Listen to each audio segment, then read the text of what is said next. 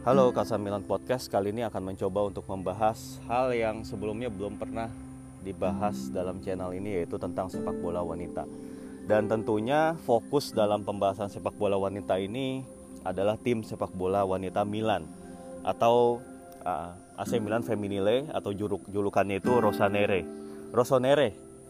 Ya. Jadi uh, ini tentunya gue ngebahas ini terinspirasi dari semalam ya. Gue nonton pertandingan derby della Madonnina Inter lawan Milan dalam pertandingan lanjutan sepak bola wanita uh, Serie A musim 2020-2021 sebagai informasi awal ini adalah introduction aja. Ya jadi mungkin yang gue bahas di sini lebih ke profil-profil karena gue sendiri juga nggak punya pengetahuan yang dalam soal dunia sepak bola wanita. Gue paling nonton bola cewek itu ya pas lagi ada event-event yang besar aja kayak Piala Dunia Wanita yang tahun 2018 ya kemarin ya kalau salah yang yang memunculkan nama-nama seperti Megan Rapino ataupun Alex Morgan ya tim sepak bola wanita AS gitu ya. Lalu uh, kemudian ya udah cuma sebatas itu doang Nah kemarin nih kebetulan juga pada saat international break nggak ada pertandingan klub ya dan gue juga nggak niat untuk nonton timnas Itali. Bangun tengah malam gue rada males juga. Akhirnya gue nonton uh, derby della Madonnina ini gitu. Dan sebagai informasi Milan juga uh, di Serie A wanita itu menempati peringkat kedua untuk sementara. Dan di bawah Juve. Ya dari 17 pertandingan yang udah berlangsung uh, Juve tim wanita Juve itu memenangkan semua sapu bersih ya. Sapu bersih 17 pertandingan ya. Dan Milan itu ada di posisi kedua. Sebenarnya cuma beda 6 dari Juve. Milan itu menang 15 kali dan kalah dua kali gitu ya. Dan sebelum pertandingan gue tuh cuma tahu uh, pemain Milan itu dua orang doang pemain bola uh, wanita Milan ya yaitu si kapten tentunya Valentina Giacinti. Mungkin sebagian besar dari lu juga udah familiar sama pemain ini. Dan uh, Yue Hasegawa gelandang asal Jepang. Gitu ya cuman tahu itu ya. Nah kemarin waktu lawan Inter di dalam derby della Madonnina kemarin itu uh, Giacinti sebagai kapten juga sebagai striker juga si nomor 9 itu mencetak seluruh gol yang dibuat Milan yaitu 4 gol poker ya dan Milan menang 1-4 gitu. Nah, biasanya nih kalau gue nonton bola ya, pertama kali gue nonton bola sebuah tim gitu ya. Untuk pertama kalinya gue tuh bisa setelah 90 menit gue udah apal seluruh pemain, 22 pemain yang ada di lapangan biasanya. Termasuk juga pemain-pemain yang main dari bangku cadangan. Tapi ya kemarin gue cuma apal pemain Milan doang pemain Inter gue cuma cuman satu doang yang gue tahu yaitu yang nama belakangnya Rincon. Gue nggak tahu nama depannya karena emang dia cukup bagus gitu ya. Sementara pemain-pemain Milan itu gue cukup uh, cukup banyak apal lah. Hampir semuanya gue tahu gitu. Dan sebagai informasi juga uh, di skuad inti Milan ini terdiri dari banyak pemain yang uh, dari berbagai negara ya jadi pemain Italia itu paling hanya 5 atau 4 atau 5 kemarin di squad di starting eleven maksudnya. Yaitu selain Giacinti ada juga beberapa nama lain seperti Laura Fusetin dan ntar gue akan sebutin lagi. Ya paling gue akan sebutin lagi eh, profil-profil uh, singkat dari para pemain ini gitu. Soalnya ada beberapa di antara mereka ini ternyata cukup uh, cukup legend ya di dalam dunia sepak bola wanita Oh ya, dan satu lagi kesan gue nonton sepak bola wanita kemarin itu itu kayak mirip-mirip gue nonton pertandingan sepak bola cowok pada tahun-tahun awal-awal gue nonton bola lah tahun tahun 90-an lah. Jadi tuh kalau sepak bola cewek ini ya sekarang ya secara skill mereka tuh udah kayak udah udah kayak cowok lah dribbling dribblingnya speednya tendangan tendangannya gitu ya maksudnya kalau secara fisik itu hampir nggak jauh beda lah sama, sama sepak bola cowok gitu tapi kalau secara taktikal tentunya gue ngelihatnya sih nggak masih belum se gimana ya masih belum masih belum se apa ya istilahnya ya masih belum segimana se apa ya, serigid atau se apa ya setaktikal lah bilangnya mungkin ya kata yang tepat setaktikal sepak bola cowok. Jadi masih banyak tuh ruang-ruang untuk uh, para pemain itu untuk memperlihatkan skill mereka, speed mereka gitu ya. Jadi masih ada yang kayak gitu-gitu. Jadi kayak sepak bola tahun 90-an lah, masih kayak gitu kan. Gitu. Jadi kalau ketika sebuah tim itu kalau di sepak bola wanita ya, sebuah tim itu punya playmaker yang jago, striker yang jago, ya itu kemungkinan lu bisa menang gitu. Itu mungkin secara simpel gue ngeliat kayak gini. Ini gue ngeliat dari satu pertandingan aja dan gue gue bukan seorang yang mengamati sepak bola wanita secara keseluruhan terus terang gitu ya. Pardon my ignorance tapi uh, ini adalah sebatas yang gue tahu dalam pertandingan kemarin gitu ya. Banyak sebenarnya isu-isu yang menarik ada di sepak bola dunia sepak bola wanita terutama soal kalau ngomongin soal kesetaraan di mana ya kita tahu bayaran dari pemain-pemain sepak bola wanita itu jauh banget dibandingin sepak bola pria dan lain-lain. Padahal exposure-nya tuh udah mulai uh, udah mulai sangat tinggi gitu. Yang yang nonton Piala Dunia Wanita kemarin itu cukup banyak ya artinya gitu. Dan sudah mulai diseriusin banget sepak bola wanita itu. Gitu yang yang juga kemarin juga gue juga sempat baca-baca ya. Kalau di sepak bola wanita itu tim yang paling jago itu Olympic Lyon. Mereka itu sering memenangkan Liga Champions sepak bola wanita Olympic Lyon itu. Sementara Milan sendiri baru ngebentuk sepak bola tim sepak bola wanitanya itu pas zamannya si Elliot masuk. Berarti tahun-tahun 2018 ya gitu. Dan baru sekarang diseriusin gitu departemen sepak bola wanita gitu ya. Jadi emang uh, Milan itu cukup ya newbie lah. Dan kompetisi Serie A sepak bola wanita tuh kalau nggak salah tuh udah cukup lama sih seingat gue ya. Sorry sorry gue gue nggak tahu mungkin lain kali gue uh, coba ajak Mbak Dino dari Women's Footy kali ya untuk uh, ngomongin sekilas tentang sepak bola wanita ini. Karena ini gue ngomong berdasarkan pengetahuan gue yang ada aja. Tuh dan ini juga kemarin eh apa gue pengen ngomongin profil sedikit aja tentang squad uh, tim sepak bola wanita Milan. Karena ada beberapa nama-nama yang menarik ceritanya cukup menarik sebenarnya gitu ya. Karena ya gue juga selalu tertarik dengan cerita di luar lapangan sebetulnya. Walaupun ini juga belum gue digging banget tapi gue baru sebatas ngelihat profil-profil singkat mereka di website di Wikipedia ya. Inilah kemudian gue jadi tahu sedikit gitu um, itu kipernya kemarin itu adalah kiper uh, asal Slovakia yaitu Maria Korenciova ini ya ini kalau gue nggak salah ini adalah kiper timnas dari Slovakia. Terus Milan itu uh, Gans itu kemarin uh, apa namanya sekilas gue gue ngelihatnya dia mainin formasi 4 4 4 3 1 2 atau 4 4 2 uh, dengan trequartista. Ya tapi ternyata pas gue uh, cek cek lagi gitu ya pas gue cek lagi sampai terakhir itu ternyata Gans itu mainin 3 center back ya. Yaitu de dengan formasi 352 ya. Center backnya itu kemarin uh, Laura Agard itu adalah pemain asal Prancis ya yang kemarin gue lihat. Itu terus ada Laura Fusetti itu uh, permain bernomor punggung 6 ya Kidal gitu ya. Kemarin si Laura Fusetti ini sempat ada komen memakai nomor 6 nomornya Franco Baresi adalah sebuah kehormatan buat dia ya di tim sepak bola cowok gitu ya. Terus uh, satu lagi uh, back yang dimainin itu adalah Francesca Vitale back asal Itali gitu. Jadi uh, dua pemain asal Italia ini jadi back di timnas sepak bola eh tim sepak bola Milan uh, tim sepak bola wanita Milan yaitu Laura Fusetti dan Francesca Vitale. Ya.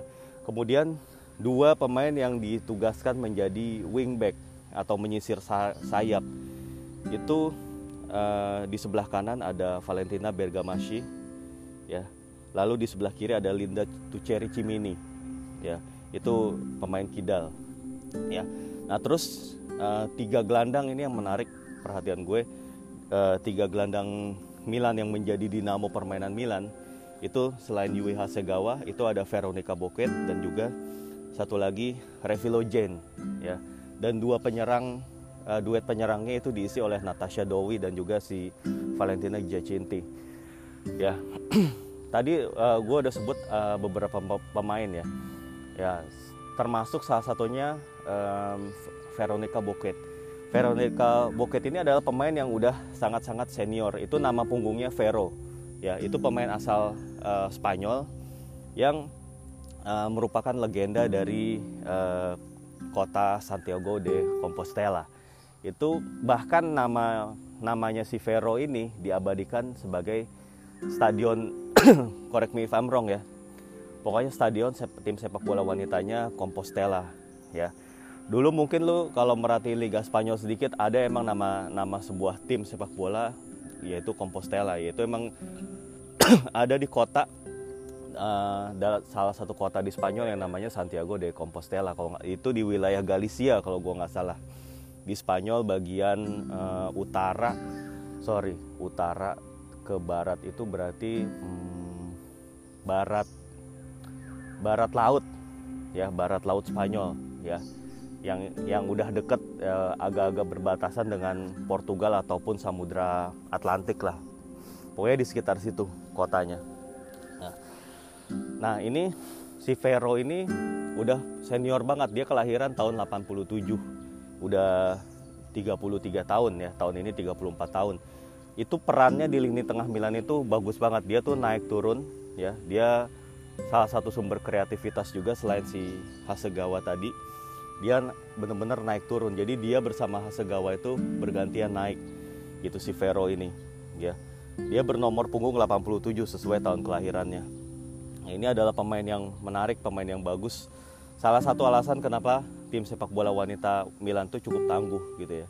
Terus yang tadi gue sempat sebut ya Hasegawa. Hasegawa itu ya kalau di dalam dunia sepak bola wanita ini adalah salah satu pemain yang cukup uh, terkenal, world class, hampir-hampir world class lah bisa dibilang. Ya kita tahu kan tim sepak bola wanita Jepang itu cukup tangguh juga dan Hasegawa menjadi bagian dari, uh, eh, dari tim ini.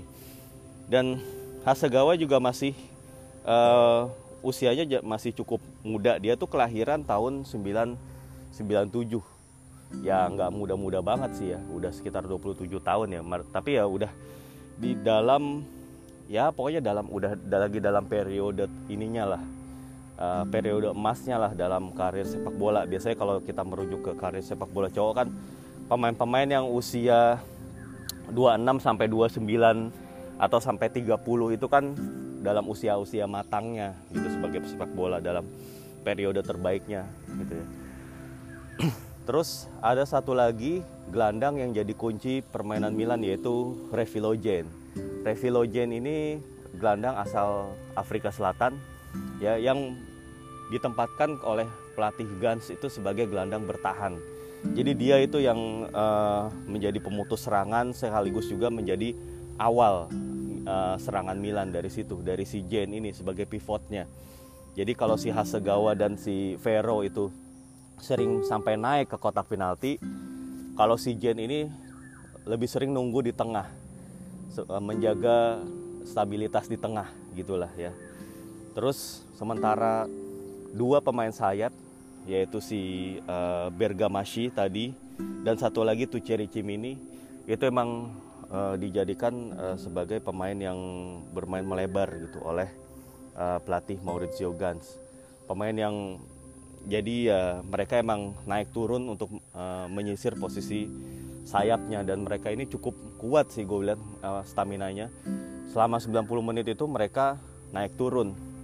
Ya dan itu cukup merepotkan kemarin. Jadi salah satu golnya Jacinti itu ada yang dia diawali oleh gerakan Tucheri Cimini yang kemudian memberikan umpan kepada Hasegawa di kotak penalti dan Hasegawa dengan tenang ngasih bola ke Jacinti itu itu keren banget sama satu lagi pemain yang pengen gue bahas uh, profilnya itu adalah Natasha Dowi atau nama lengkapnya kalau gue cek Natasha Khalila Dowi ya itu ada yang menarik. Ada nama Khalila ada unsur ke Arab Arapannya. Dan itu emang eh, nggak e, salah kalau lu menduga dia ada hubungannya dengan dunia Arab. Karena dia lahir di Uni Emirat Arab ya. Dari orang tuanya pada saat itu bertugas di sana. Tapi gue belum terlalu menggali belum digging jauh tentang cerita. Gue cuman lihat sebatas profilnya dia ya. Natasha Dowi ini uh, kalau lu lihat dari nama belakangnya mungkin lu juga kalau nonton sepak bola uh, eh, IPL tahun belum jadi IPL ya waktu itu ya? Apa udah sih? Eh udah udah jadi IPL ya. Pokoknya IPL tahun 90-an lu pernah dengar nama pemain yang jangkung asal Irlandia Utara yaitu Ian Dowie. Ayan Dowie ini uh, dulu kalau main tuh kalau nggak salah mainnya di Sunderland sama Crystal Palace. Itu seorang penyerang yang yang jangkung penyerang yang biasanya tuh jadi target man diandalin dalam duel udara. Dia tuh sempat jadi salah satu dia pernah jadi chairmannya si Sunderland kalau nggak salah. Setelah berkarir di sepak bola itu dia menggeluti manajerial sepak bola si si Dowie ini. Dan si Natasha Dowie ini adalah keponakan dari si Ian Dowie ini ya. Ian Dowie ya. Jadi uh, tapi Natasha Dowie itu berkebangsaan Inggris. Kalau si Ian Dowie itu kan uh, Irlandia Utara ya. Tapi si Natasha ini uh, Inggris. Dan dia juga memperkuat tim nasional senior Inggris juga. Gitu. Dia udah pemain yang sangat berpengalaman juga si Natasha Dow ini. Ya usianya itu udah dia kelahiran 88 ya. Berarti usianya tahun ini 33 tahun gitu. Udah pemain senior ya. Jadi emang di squad Milan itu emang udah isi kebanyakan pemain-pemain senior ya. Kayak Vero dan juga Natasha Dowi itu udah kepala tiga usianya. Ya ini emang jadi pemain yang jadi tulang punggung Milan. Si Natasha Dowi ini kemarin yang istilahnya yang ngacak-ngacaknya lah. Jadi dia itu ya pas seperti yang gue bilang tadi kesan gue kayak sepak bola 90-an si Natasha Dowi ini yang bagian ngacak-ngacak yang dia punya dribbling bagus punya speed bagus sementara Giacinti itu yang bagian ngegolinnya. Yang dia itu nunggu di kotak penalti dan nyari peluang untuk nyetak gol. Sejauh ini si Natasha Dowin itu tuh udah mencetak 9 gol di seri A. Jacinti itu lebih banyak gue lupa Jacinti itu berapa gol udah belasan gol dia dia udah cetak. Tapi si Natasha Dow ini sebagai second striker bisa dibilang ya dengan nomor punggung 10 dia udah mencetak 9 gol. Dan kemarin dia sangat bagus banget dalam ngacak-ngacak dia bisa main di uh, dia kebanyakan main dari sayap kanan sih dari sayap kanan ngacak-ngacak uh, per, uh, defense-nya Inter. Dia um, menyumbangkan satu assist dari golnya penyelesaian apiknya si Jacinti dan satu lagi um, ketika dia mencoba melewati kiper Inter dia dijegal dan akhirnya membuahkan penalti yang juga kemudian dieksekusi oleh Jacinti. Jadi si Natasha Dow ini berperan dalam dua gol langsungnya Milan berperan langsung dalam dua gol Milan. Ya kemarin ini juga salah satu pemain yang mungkin agak-agak overlook karena si Giacinti itu nyetak uh, 4 gol ngeborong 4 gol. Uh, she takes the uh, sorry sorry uh, she took the spotlight uh, with her. Tapi ke, tapi sebenarnya di situ ada peran yang sangat bagus dari dari Natasha Dowie sekaligus juga dengan uh, dari pemain-pemain midfielder dia yaitu si uh, Revilogen lalu, ya, lalu kemudian si Yui Hasegawa dan satu lagi si uh, Veronica tadi. Ya mungkin kalau teman-teman yang udah uh, memperhatikan uh, sepak bola wanita udah tau lah dengan pemain-pemain ini gitu ya. Tapi ya di sinilah menariknya sepak bola itu selalu ada room untuk belajar selalu ada ruang untuk belajar selalu ada tempat untuk berguru juga ya. Dan di sini gue shout out terhadap uh, kepada Mbak Nino di apa akun Women's Footy. Gue waktu itu pernah ketemu dia pas lagi bikin konten di Ngalcio. Itu pengetahuan uh, terhadap sepak bola wanita itu buat dia itu sangat-sangat dalam banget. Dia udah tahu banget. Dan, dan waktu itu kita tuh uh, bengong-bengong aja ketika dia nyebutin satu persatu nama-nama pemain sepak bola wanita yang dia tahu gitu. Sementara kita tuh cuma tahu sedikit. Ya gitulah. Tapi ya tentunya uh, mengikuti perjalanan tim sepak bola wanita Milan itu buat gue sih uh, ini akan menjadi sebuah bisa jadi ya uh, akan menjadi sebuah tren yang bagus gitu. Kalau misalnya emang lu baru ngikutin sepak bola wanita itu sekarang nggak apa-apa. Ya karena ya ini apa ya kalau lu ingin menjadi expert dalam sepak bola wanita artinya lu belum ini belum banyak nih. Belum banyak orang yang uh, ngambil gitu istilahnya. Belum banyak orang yang uh, mengambil minat serius dalam uh, dunia uh, pengamatan sepak bola wanita gitulah. Gitu ya. Artinya kalau lu pengen menjadi expert dalam sepak bola wanita ya bisa jadi ini saatnya. Gitu karena emang ini ya baru-baru kenceng gitu artinya liga-liga sepak bola wanita di Eropa itu ya mungkin baru kedengeran sekarang-sekarang ini gitu ya dan arus informasi pusaran informasi dari sepak bola wanita itu juga baru keluar sekarang-sekarang ini. Kalau lu merhatiin sepak bola cowok ya itu kan udah ya udah banyak banget lah ya.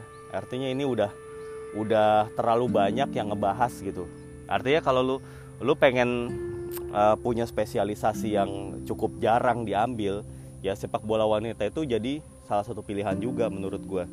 Dan kalau emang lu uh, Milanisti juga ya mengamati tim sepak bola wanita Milan itu menurut gue cukup menarik.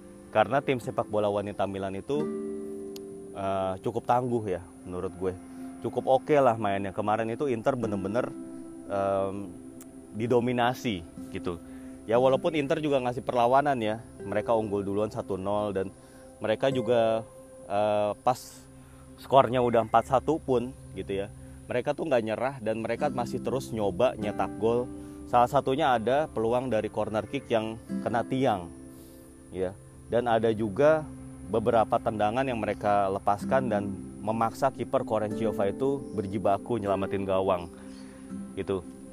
Artinya walaupun kemarin Milan menang 1-4, tapi bukan berarti itu internya jelek gitu.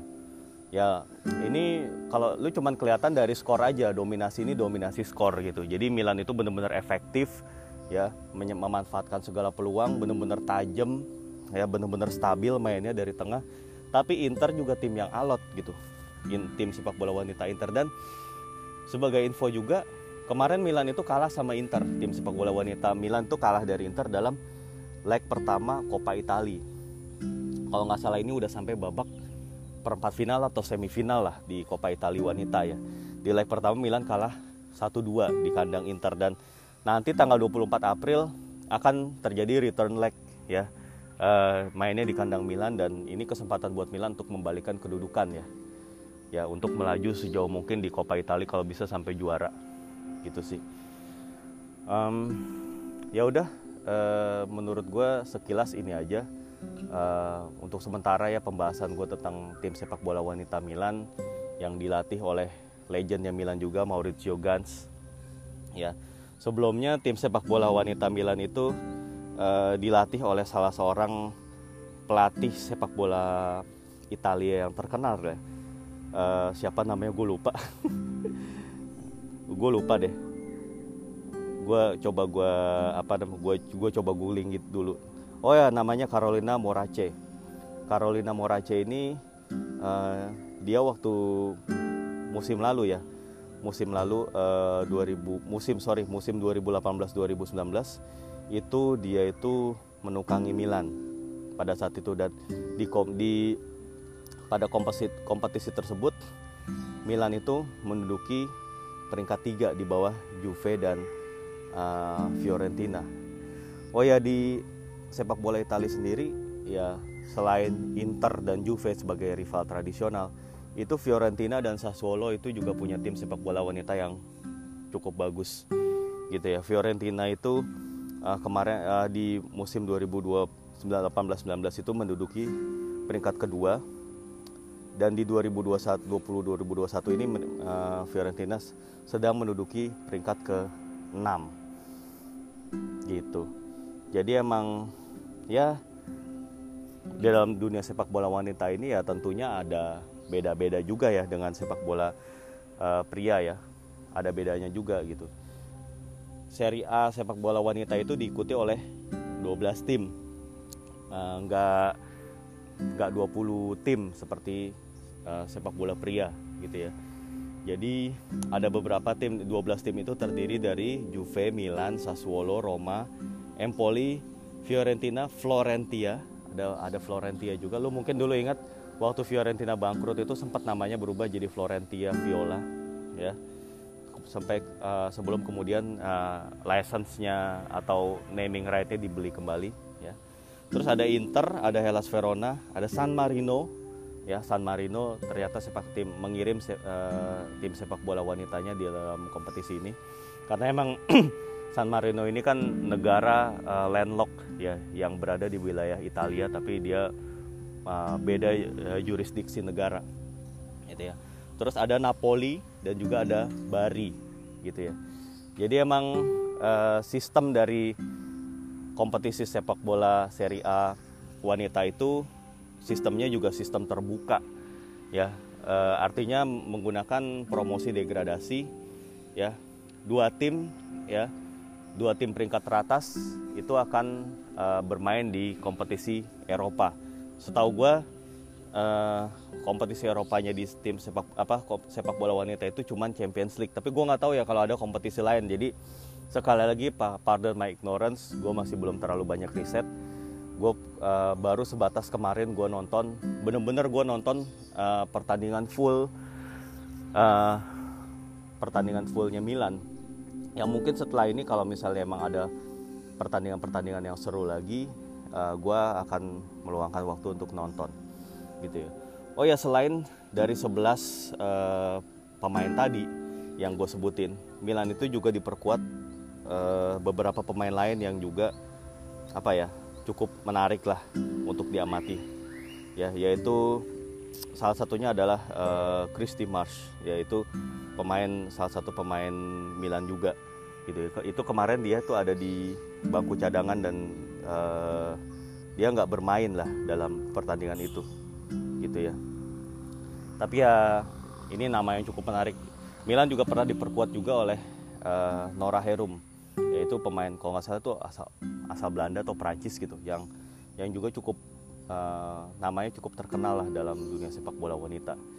Ya itu mungkin sebatas itu dulu yang gue mau tahu dan lain kali gue akan digging lebih jauh lagi ya. Tapi ini as a start ya gue cuma mau kasih kasih profil singkat aja terhadap squad Milan di sepak bola wanita. Itu aja dulu.